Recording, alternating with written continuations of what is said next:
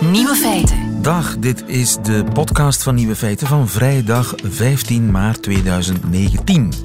In het nieuws vandaag dat Choupette Lagerfeld, de kat van wijlen Karl Lagerfeld, vandaag haar eigen kledinglijn heeft gelanceerd.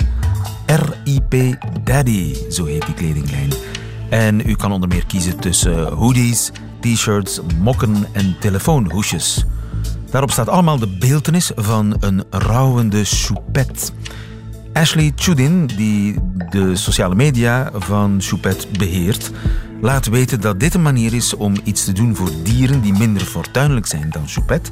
Want alle opbrengsten van deze limited edition collectie gaan naar een dierenasiel in Californië. De andere nieuwe feiten vandaag. De dader van de aanslagen in Christchurch, Nieuw-Zeeland, dweept met Anders Breivik. Gudrun Liekes, haar nieuwe boek gaat over de seksuele fantasieën van vrouwen. Bijna 100% van de Noorse petflessen en blikjes worden gerecycleerd. En de nieuwe Rode Duivels zijn gearriveerd. De nieuwe feiten van Kobe Ilsen hoort u in zijn middagjournaal. Veel plezier. Nieuwe feiten. Zitten we met een nieuwe Breivik? Zo lijkt het wel. In Nieuw-Zeeland heeft er een nieuwe Breivik toegeslagen. Iko Mali, goedemiddag. Goedemiddag. Je bent docent nieuwe media en politiek aan de Universiteit van Tilburg en schreef een boek over nieuw rechts. Bijna 50 doden zijn er gevallen bij gruwelijke aanslagen vandaag in Christchurch, Nieuw-Zeeland. Nieuw-Zeeland, tijdens het vrijdaggebed liep een gewapende man in legerkleren een uh, moskee binnen, begon in het wilde weg te schieten, kon wegvluchten, pleegde wellicht later, iets later nog een tweede aanslag op een, uh, een andere moskee in een buitenwijk van Christchurch. De dader is opgepakt, of één van de daders. We weten nog altijd niet of hij echt alleen heeft gehandeld. Blijkt een Australiër te zijn die zich Brenton Tarrant noemt. Omdat zijn echte naam is, weten we ook nog niet zeker, geloof ik. Uh, hij heeft zijn moordpartij gestreamd op internet en zette eerder foto's van zware wapens online. En publiceerde een manifest van 73 pagina's op Twitter. Je hebt dat manifest bekeken, geloof ik, hè? Ja, ik ben, ben uh, al heel de ochtend uh, bezig data te verzamelen. Uh, en ik heb er inderdaad al helemaal doorgegaan. En wat zegt hij allemaal in dat manifest? hij zegt heel veel dingen, maar een aantal van de belangrijke dingen zijn dat hij zich, zoals Breivik, maar ook zoals Dylan Roof en zo verder, verbeeldt als een crusader, als een kruisvaarder. En Dylan Roof, dat was die Amerikaanse jongen hè, die een massamoord in een zwarte kerk heeft gepleegd. Ja, inderdaad. En allen verbeelden zich als uh, kruisvaarders in de strijd tegen wat zij de witte genocide noemen of the great uh, replacement, de grote vervanging van het blanke ras in hun oorspronkelijke uh, naties. Dus het is echt een, een anders Breivik-discours dat daar gevoerd wordt in dat manifest en er wordt ja, gedweept met de iconen van de kruisvaarderij. Karel Martel wordt genoemd, geloof ik, hè? Ja, maar hij verbeeldt zich dus als uh, deel van uh, de nieuwe Templar-orde, uh, de nieuwe Templar-ridders. iets dat Breivik ook gelanceerd heeft. Meer nog, je zegt ook letterlijk dat hij kijkt naar Breivik. Dus dat Breivik zijn grote voorbeeld is. Hij noemt ook Roof en enkele andere blank nationalistische terroristen als voorbeelden. Maar vooral zegt hij, Breivik is mijn grote inspiratiebron. daar kijk ik naar op uh, naar uit. Uh, meer nog heel dat manifest is, is bijna zowel qua formatering als qua inhoud een, een copy-paste van het manifest van um, Breivik, maar korter. En hij is speciaal naar Nieuw-Zeeland gegaan om zijn bloedbad aan te richten. Zegt hij daar iets over, waarom hij dat gedaan heeft? Ben je er nog? Organiseert hij een interview met zichzelf. Uh, hallo? Ja, ja, ja, je was Hallo. even weg. Je was even ja. weg, maar nu ben je oh, terug. Okay. Uh, ja. Waarom is hij naar Nieuw-Zeeland gegaan? Um, wel, dus hij, hij uh, organiseert een vraaggesprek met zichzelf waarin dat hij zegt van kijk, ik ben naar Nieuw-Zeeland gegaan om te trainen, om mij voor te bereiden op mijn aanslag. Maar heel snel als ik in Nieuw-Zeeland uh, was, uh, zag ik dat het eigenlijk een heel rijk, een rijke plaats zou zijn om die aanslag te, op te zetten. En de eenvoudige reden is omdat ik dan ook kan aantonen dat die witte genocide en die great replacement, dat dat ook in alle uithoeken, zelfs de meest ver afgelegen plaatsen in de wereld plaatsvindt. En dus het zou een enorme aandacht opeisen, maar het zou vooral mijn ideologische agenda uh, mee gaan realiseren. Ah ja, want zo, zelfs in het vredige Nieuw-Zeeland gebeuren dit soort dingen. Ja. Dat, dat is, en, uh, en daarin kun je ook een link leggen met dat ja, dat, dat vredige eilandje in het anders ook zo vredige Noorwegen, dat is eigenlijk ook een link tussen beide moordpartijen.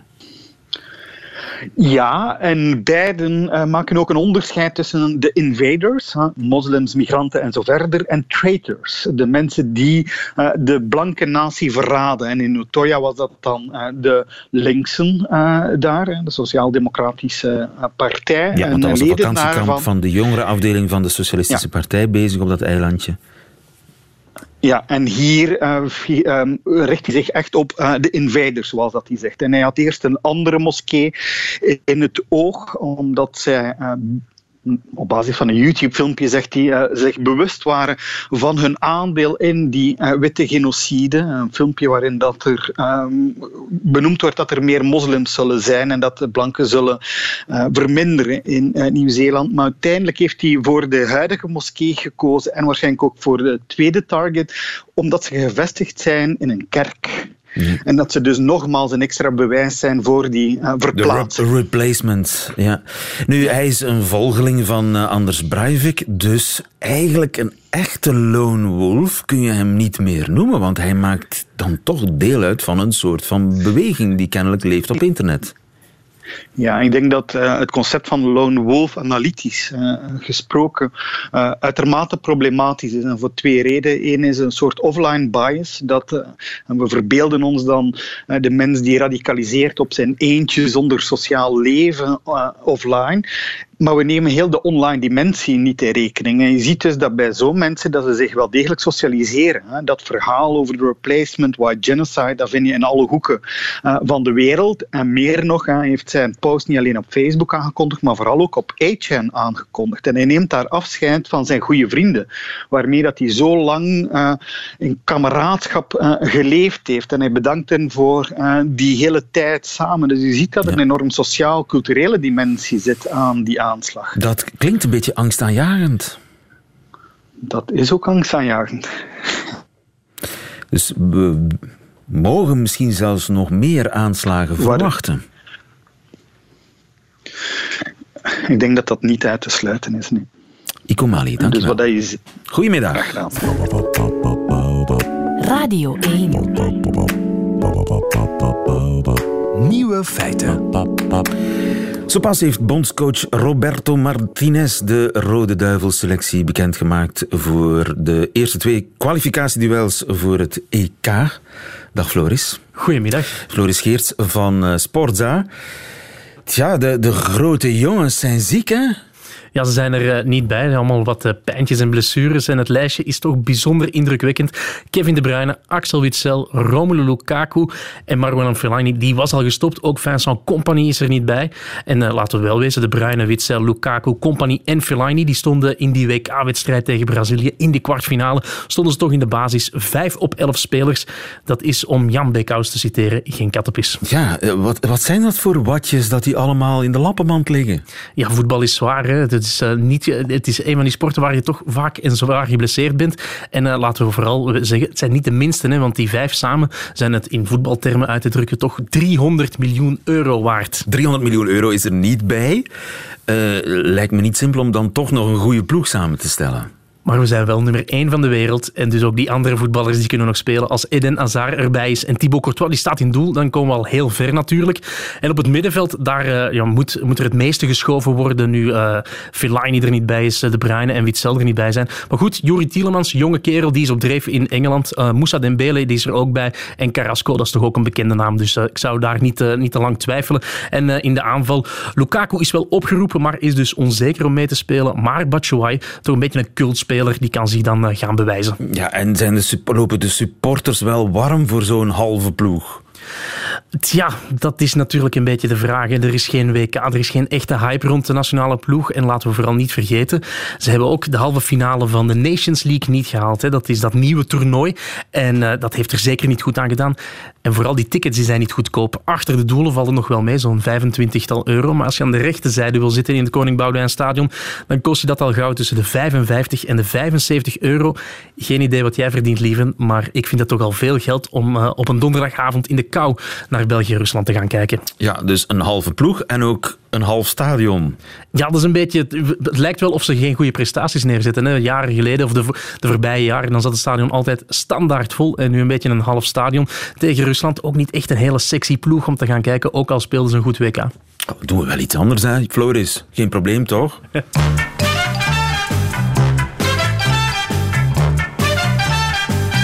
Nieuwe feiten.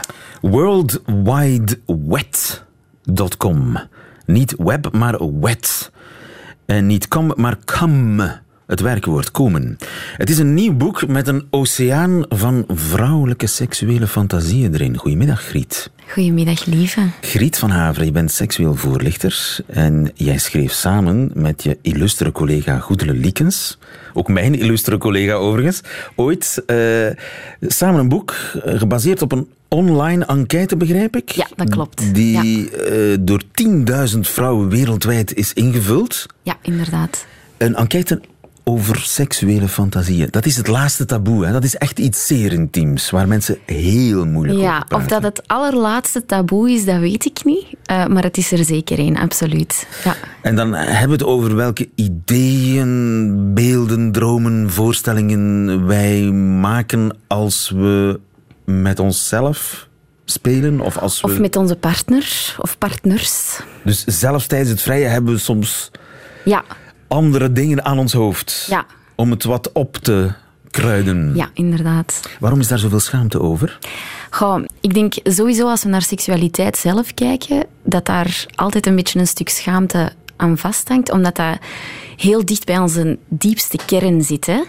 En ik denk dat vrouwen daar nog altijd een stuk in benadeeld zijn, want openlijk onze seksualiteit uitspreken, wij worden daar toch vaker nog op afgestraft uh, dan mannen. En als we specifiek gaan kijken naar fantasieën, ja, dan zit die in uw hoofd. En in uw hoofd kan en mag alles. En alles is veel natuurlijk. Hè?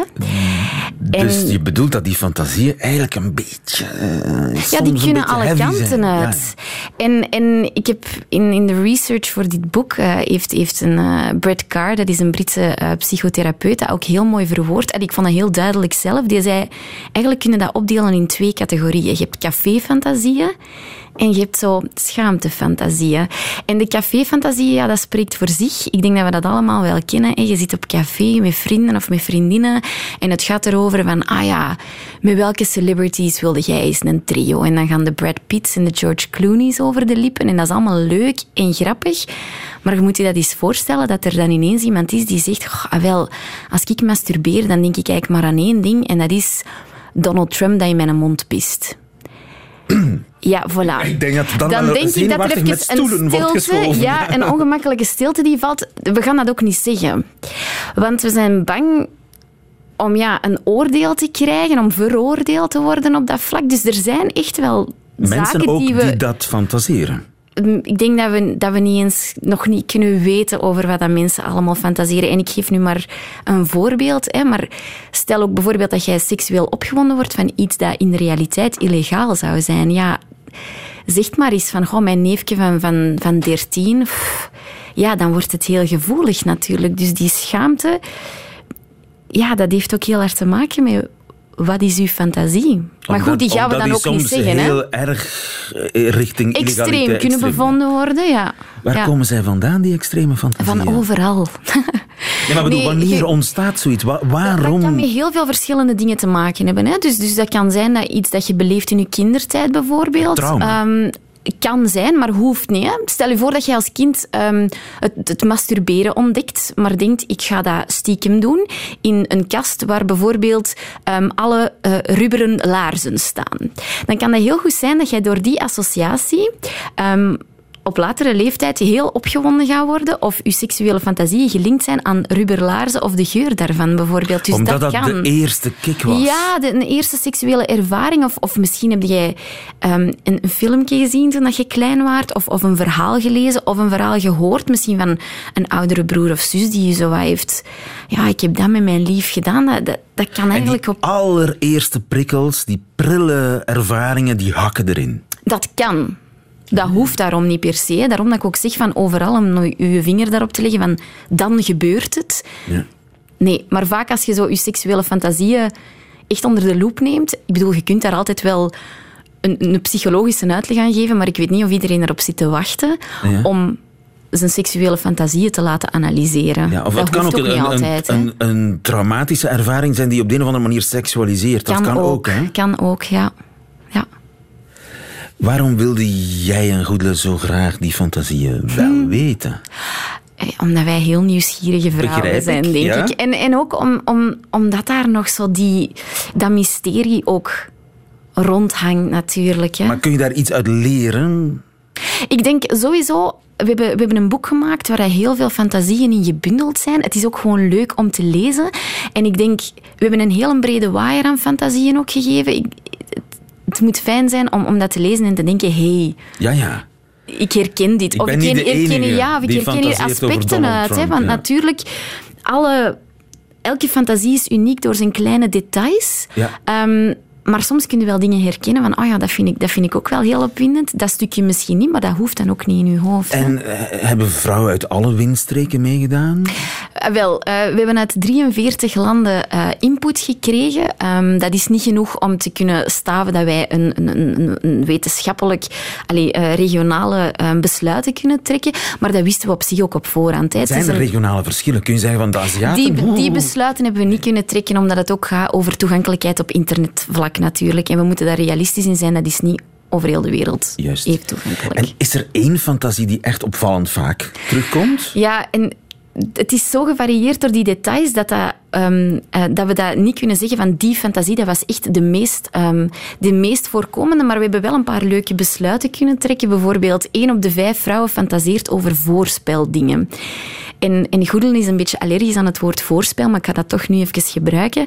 Ehm, de top drie daar was ehm, gevingerd worden, kussen en oraal bevredigd worden. En interessant is, daar komt geen penis bij aan te pas.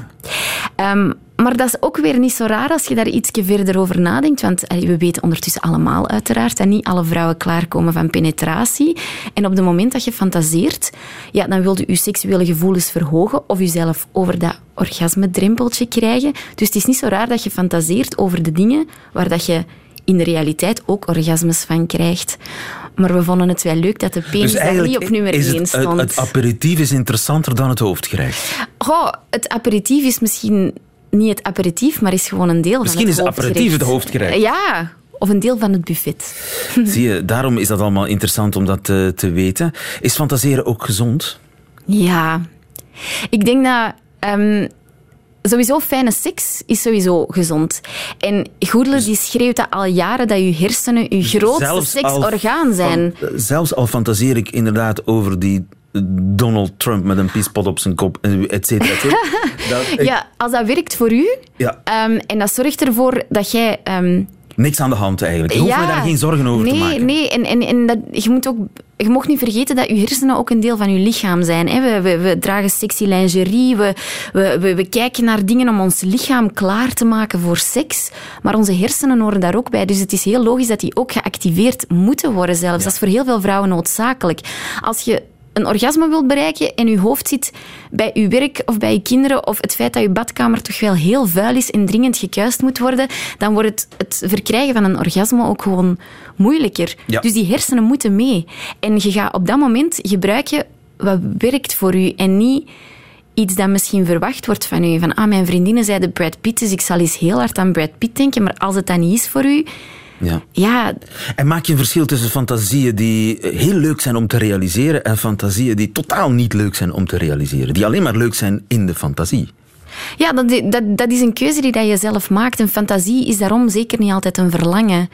En ik denk dat dat, dat is hetzelfde met gewoon standaard fantaseren. Hè. Ik denk dat iedereen al wel eens heel boos is geweest op iemand en in zijn hoofd, in zijn fantasie, heel hard op die persoon zijn gezicht heeft geslagen. Maar dat wil daarom niet zeggen dat we dat in realiteit gaan doen. En, en uw fantasieën en uw seksuele fantasie, dat is eigenlijk een hele grote speeltuin waar dat heel veel kan. En een veilige speeltuin. Want je kunt er niet zwanger van worden, je kunt er geen SOA's van krijgen en je kunt ook geen lichamelijke letsels daaraan overhouden of je relatie in gevaar brengen. Tel uit je winst. Dankjewel Griet van Haveren. Een festival van fantasieën. Wetwetwet.com, zo heet het boek. Dankjewel voor je komst. Dankjewel. Radio 1. Noorwegen is wereldkampioen recyclage. 97% van de plastic flessen wordt daar gerecycleerd. Bij ons is dat maar de helft. Hoe doen ze dat? Dag Tina. Dag, lieven. Tina Schoolmeester, jij bent milieu-expert in Noorwegen. West-Vlaamse in Noorwegen al twaalf jaar. Je bent een beetje je Nederlands verleerd, zeg je, maar dat valt reuze mee, denk ik. Hoop het. Gaat het om alle soorten plastic flessen? Dus ook die waar shampoo en ketchup en smeerolie in zit? Nee, helemaal niet. Dus het gaat enkel over de petflessen. Dus de flessen die wij normaal kennen van cola, frisdranken, maar ook bierblikjes en, en andere blikjes, cola-blikjes. Dus het gaat in feite over blikjes en petflessen, drankflessen. Gewoon drankflessen. Water, Ja. frisdrank, maar ook eh, Ja. bier in blik. En Ja. die gaan dus niet in de PMD-zak in Noorwegen. Nee, er is trouwens geen PMD-zak in Noorwegen. Ehm, want ik denk dat het, het recyclage hangt heel vaak af over wat eh, de faciliteiten zijn in de gemeente. Ook bij ons is dat, kan dat veranderen, denk ik, eh, in België van gemeente tot gemeente. Dus hier is het ook zo. Dus bijvoorbeeld hier, metaal gaat bij het glas. Eh, tetra, zoals van ehm, fruit, tetrabrikken en zo, die gaan bij het papier en het karton. En eh, alle andere plastic verpakkingen die gaan bij het plastic. Behalve dan de petflessen en de blikjes. Ja, die gaan apart. Die worden apart ge- opgehaald ehm, via de supermarkten meestal. Eh, bij een, door een onafhankelijke firma. En die maakt er zo hele kleine stukjes van en zet dat dan als eindproduct weer op de markt om te verkopen. Dus met die, eh, al je petflessen en je blikjes, daar ga je mee terug naar de supermarkt, naar de winkel. Ja, inderdaad. Meestal. En dat, En dat doe je niet altijd zelf. dat doe je niet altijd zelf? Nee, want hier in Noorwegen wordt het heel vaak ook eh, opgehaald. Of er zijn eh, de lokale voetbalclub, of eh, waar je kindjes bij voetballen bijvoorbeeld. Of de kindertuinen, of als de kinderen op school een klas willen uitstap plannen. eh, dan wordt er heel zelden geld gevraagd aan de ouders. Dus dan wordt er wel soms eens gevraagd, maar breng al je statiegeldflessen dan maar binnen. En dan nemen ze dat, want het is best wel veel. Het is eh, nu, het is verhoogd, twee Noorse kronen op een eh, klein flesje en drie Noorse kronen op een grote fles. Dus als je ja, met drie grote flessen heb je al een euro. Ja, ja. 30 cent per grote fles. Ja. Statiegeld, dat, is, eh, dat tikt aardig aan. Ja, En het wordt vaak gebruikt als een soort charity. Je geeft het weg voor het goede doel, eigenlijk. ja, ja. niet alleen op eh, lokale kleine schaal, maar dus op die machines waar je naar, in de supermarkt die blikjes en die flessen instopt. Dan kan je ook kiezen. Ofwel krijg je een bonnetje waar dan, eh, dat al wordt afgerekend aan de kassa. Eh, ofwel kan je op een knop duwen en zeggen ik geef het weg, ik geef het aan het... En dat is een, meestal eh, het Rode Kruis hier in Noorwegen. Maar het hangt wel een beetje af. Het kan anders. Het, eh, de supermarkt kan een eh, lokale afspraak maken met een andere charity. zelfs met een kerkgemeenschap en zo. Dat hangt er een beetje af van waar je bent. Maar de meeste gaan naar het Rode Kruis. En daar, ik heb, ik heb de nummers dus opgezocht voor je. Ja. Ehm, sinds 2008 heeft het Rode Kruis 256 miljoen Noorse kronen. Dat is hetzelfde als 26 miljoen euro of 2,6 miljoen euro per jaar Dus dat wordt gigantisch gedaan door de Noren. De, de Noren geven Ja, eigenlijk ja, hun statiegeld weg. Ja, dat is eh, de warmste week. Het, eh, het is een ja, warm, eh, warm statiegeld. Warm jaar eigenlijk in een Noorwegen. warm jaar, ja. ja. Bij ons zie je wel eens plastic flessen langs de weg slingeren, blikjes platgetrapt op straat. Je moet, ik, ik, elke dag moet ik er door waden, want ik moet door de studentenbuurt fietsen. ja. Eh, dat heb je dus niet in Noorwegen. Eh, ja en nee. het is niet zo dat ik denk dat de Noor eh, nu zoveel netter en properder is als de Belg. ehm, of de Vlaming, of wat je ook wil. Eh, ik denk dat die blikjes nog wel rondslingeren. Maar omdat er nu geld op staat, dan wordt het wel een... Het wordt een grondstof, ook voor zakgeld. het wordt een... eh, ja, het heeft een waarde. Dus ik kom heel dikwijls, heel vaak thuis... En eh, mijn zoontje van tien, die heeft een ijsje in, die is een ijsje aan het eten. En, en dan zeg ik van, waar haal jij dat geld vandaan? Oh, ik ben eventjes rond het voetbalplein gelopen. Ik heb alle pandflessen, ik heb alle drinkflessen eh, naar de machine gebracht. En ik had genoeg voor een ijsje. Dus die flesjes die liggen daar wel, die blikjes die liggen daar wel, maar niet lang, want ze zijn geld waard. Inderdaad, inderdaad. Oké. Zou je dat systeem ook bij ons kunnen toepassen, denk je? Tuurlijk, tuurlijk, ja, zeker. ik, eh, ik denk dat het, als het hier kan, dan kan het ginder ook, hè. Ja, ik weet niet, misschien eh, is, is, eh, No- zijn de Noren sowieso bewuster of milieuvriendelijker, ik weet het niet. Nee, ik denk dat niet. Ik denk dat er hier wel meer uitgaat van, van het beleid, van we gaan dit doen. En dan doen ze dat, dan, dan implementeren ze dat en dan doen ze dat ook. En dan vinden ze een manier om dat zo gemakkelijk voor iedereen, zo gemakkelijk mogelijk voor iedereen te maken. Ja, ze gaan er gewoon voor. En eigenlijk is het principe, voor. je, je koopt het product, maar niet de verpakking. Die verpakking, die leen je eigenlijk. En die breng Nee, je naar... nee, nee, nee, nee, nee, nee, nee. Je koopt alles. Je koopt de verpakking en de inhoud van die verpakking. En dan krijg je geld terug als je het terugbrengt. Ja, ja, dat, is- dat snap ik. Maar eigenlijk, in principe, is, is de verpakking maar tijdelijk van jou. Je brengt ze terug. Dat is eigenlijk het idee. Ja, ja, ja, zo kan je het wel zeggen. Ja. Maar dat wordt wel dus, want je hebt in het begin gevraagd, eh, is dat ook voor shampoo en ketchup? Eh, wat er wel, voorlopig niet, maar ik heb wel ook een artikel gelezen waar je nu, waar ze wel aan denken om dat uit te breiden. Ook in Denemarken willen ze dat doen. Ze willen dat in feite op alle verpakkingen doen. En ik heb net eh, een tas gekregen van een. ehm, een plastic tas van, van een winkel, een kleerwinkel. En daar staat ook op twee kronen pand. Dus daar staat ook statiegeld op. Dus Ah, ze zijn wel bezig. Het is nog niet volledig over heel Noor- Noorwegen eh, zo, maar ze zijn wel aan het proberen om dat, die, fles, die flessen en die blikjes, het statiegeld daarop, om dat uit te breiden naar andere producten. Dat lijkt er wel op. Tina Schoolmeester in eh, Noorwegen voor ons. Dankjewel. Goedemiddag. Oké, dag. Uit Japan bereikt ons dit eh, nieuwe feit een wel erg opmerkelijke naamsverandering. Ojisama Akaike kwam 18 jaar geleden ter wereld met een wel erg hoogdravende naam. Oji betekent namelijk prins en Sama betekent zoveel als hoog eerbiedwaardige heer. Een aanspreking die je bovenaan brieven en andere formele correspondentie wel meer vindt. Die jongen heette dus eigenlijk hoog eerbiedwaardige heer de prins en ontving post op naam van hoog eerbiedwaardige heer, hoog eerbiedwaardige heer de prins. Na 18 jaar was hij het beu. De jongen had er schoon genoeg van en liet zijn naam aanpassen. Hij gaat nu door het leven als Hajime. En dat betekent correctie. Ja. Nieuwe feiten. Alleen nog het middagjournaal heeft u van ons te goed. Kobe Ilsen.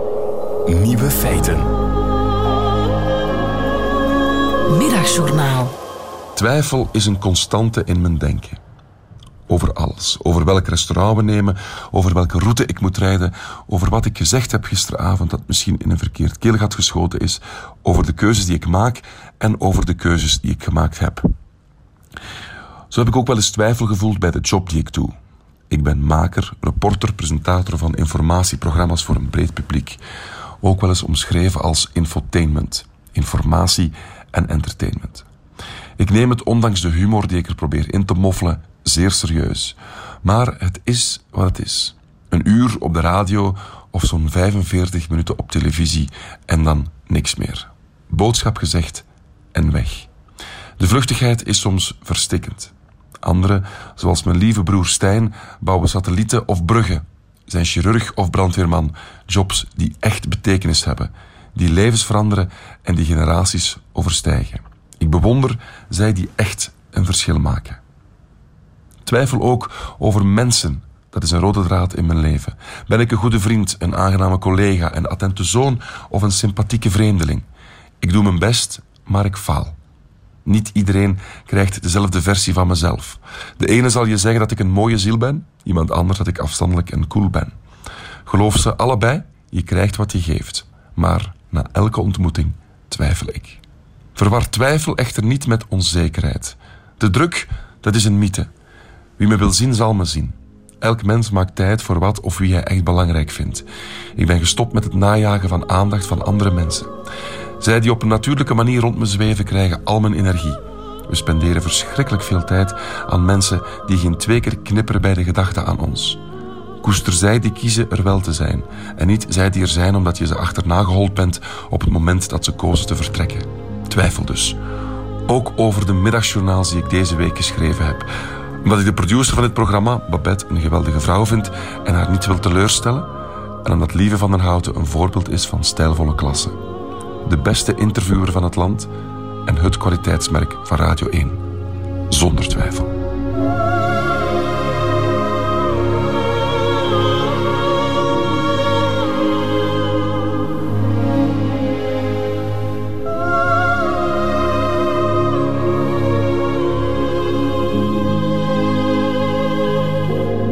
Middagjournaal van Nieuwe Feiten met Kobe Ilsen. Meteen het einde van deze podcast. U vindt er nog veel meer op radio1.be en op de podcastkanalen. Tot volgende keer.